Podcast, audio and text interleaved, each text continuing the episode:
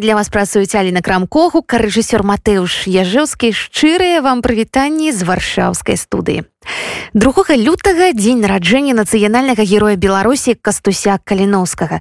Яго постаць без сумнення легендарная. Гэты чалавек узначаліў вызваленчае паўстанне і кінуў выклік ворагу, які акупаваў нашу краіну каліноўскі быў бязмежна верны сваім ідэалам ён быў беларусам ад плоці і крывей пастаянна гэта падкрэсліваў.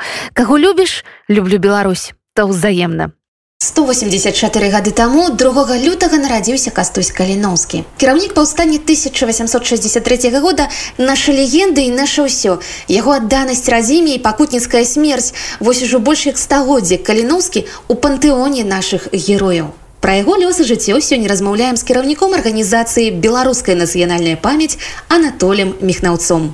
Чалавек памёр 26 гадоў і я лічу, што для беларускай моладзі это павінен быць такі вобраз наш бо наша моладзь вельмі часта ходзіць чужымі вобразамі там нейкага чегевару сацыяліста камуніста который наогул нам чужды ідэалагічна а наш герой каліноўскі таму я зараз звяртаюсь да ўсіх слухачоў радоў нет каб гэты вобраз продвигаўся каб у нашай моладзі наш нацыянальны герой был каліноўскі не трэба нам чужыя Мы добра ведаем кастуся каліновскага як нацыянальнага героя беларусі кіраўніка паўстання. Аднак нямала цікавых фактаў біяграфіі часам застаецца за душкамі каліноўскі на выдатна скончыў юрыдычны факультэт пецярбургскага універсітэту хаця хварэў на эпілепсію. У 23 гады закахаўся ў марыю ямант якая дарэчы каб падтрымаць каліноўскага арганізавала жаночы рэвалюцыйны камітэт. Захаваліся і лісты каліноўскага да марыі. Поўныя пяшчоты і кахання паказваюць нам зусім іншага героя Кастусь Каліноўскі пакінуў свае лісты да нарачонай, лісты з падшыбеніцы так званыя. І вось там вельмі добра відаць яго асоба, калі ён разумее, што яго чакае смерць і ў яго лістах гучыць і каханне і змаганне. Дарэчы, Анатоль Мехнавец менавіта той самы чалавек, які знайшоў на павонсках у варшаве магілку Марыі Ямант было вядома что яна там пахавана але дакладна ніхто не ведаў і шукалі магілу Ну і пашанцавала знайсці. Архівы былі спалены і по тым гадам пахавання калі хавалі в тыя часы это зусім іншыя сектары. І нам атрымалася знайсці толькі таму что адзін з даследчыкаў працаваў частку могілак запісаў імёны хто там пахаваны ён нам дапамог. а Анатоль мехнавец нагадаю кіраўнік арганізацыі беларуская нацыянальная памяць калісьці ён распрацаваў карты па памятных мясцінах каліновскага і да сёння ладзіць экскурсіі па гістарычных адрасах звязаных з нацыянальным героем. Я ездзіў неаднаразова свіслач бо раней такое самая моцная і самая яскравая акцыя адбывалась у свіслачы.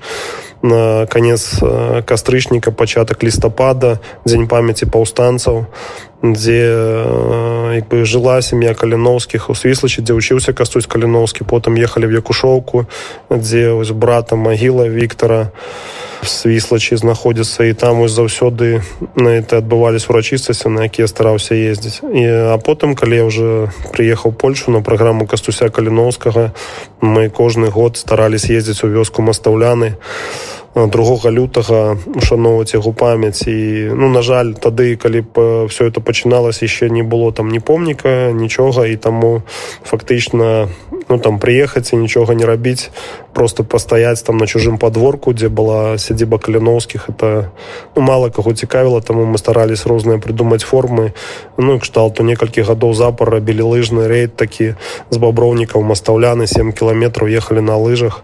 Ну і такі рейд памяці кастуся каліновского мы старались наведаць. В этом годзе зразумела не атрымалось зрабіць тому что это знаходіцца в памежнай зоне. Усе мы ведаем якая сітуацыя на мяжы з беларусю і что вельмі складана въехаць таму в этом годзе нічога не рабілася Ну і зразумела, што ёсць мы калісьці рабілі мапу на 150 гадоў паўстанні можна знайсці в інтэрнэце. Там пазначаны кропкі, звязаныя з паўстаннем з кастусём каліноўскім. ёсць вуліцы каліноўска, як Менску, там ёсць бюст, напрыклад, бо не ўсе маюць магчымасць паехаць свіслач. Ну і ушанаваць іншыя месцы звязаныя з паўстаннем 1863 года. Ну а наогул я лічу для кожнага беларуса павінна быць месцам сустрэчы з касусём каліновскім это некрополь на могілках роса дзе пахаваны кастусь каліновскі дзе пахаваны яго паплечнікі і вёска мастаўляны дзе я спадзяюсь таксама будзе годны помнік памяці кастуся каліновскага А ў 2017 годзе падчас раскопак на гары едыміна ў вільні знайшлі парэшткі 17 паўстанцаў. У каліновскага не засталося нашчадкаў па мужчынскай лініі, таму парэшткі кіраўніка паўстання ідэнтыфікавалі толькі ў 2019 метадам выключэння астатніх, а таксама праз супастаўленне ўзросту метаду смяротнага пакарання і параўнання чэрапу з фотаздымкамі. Сярод тых, хто шукаў парэшткі, быў і Анатоль Мехнавец.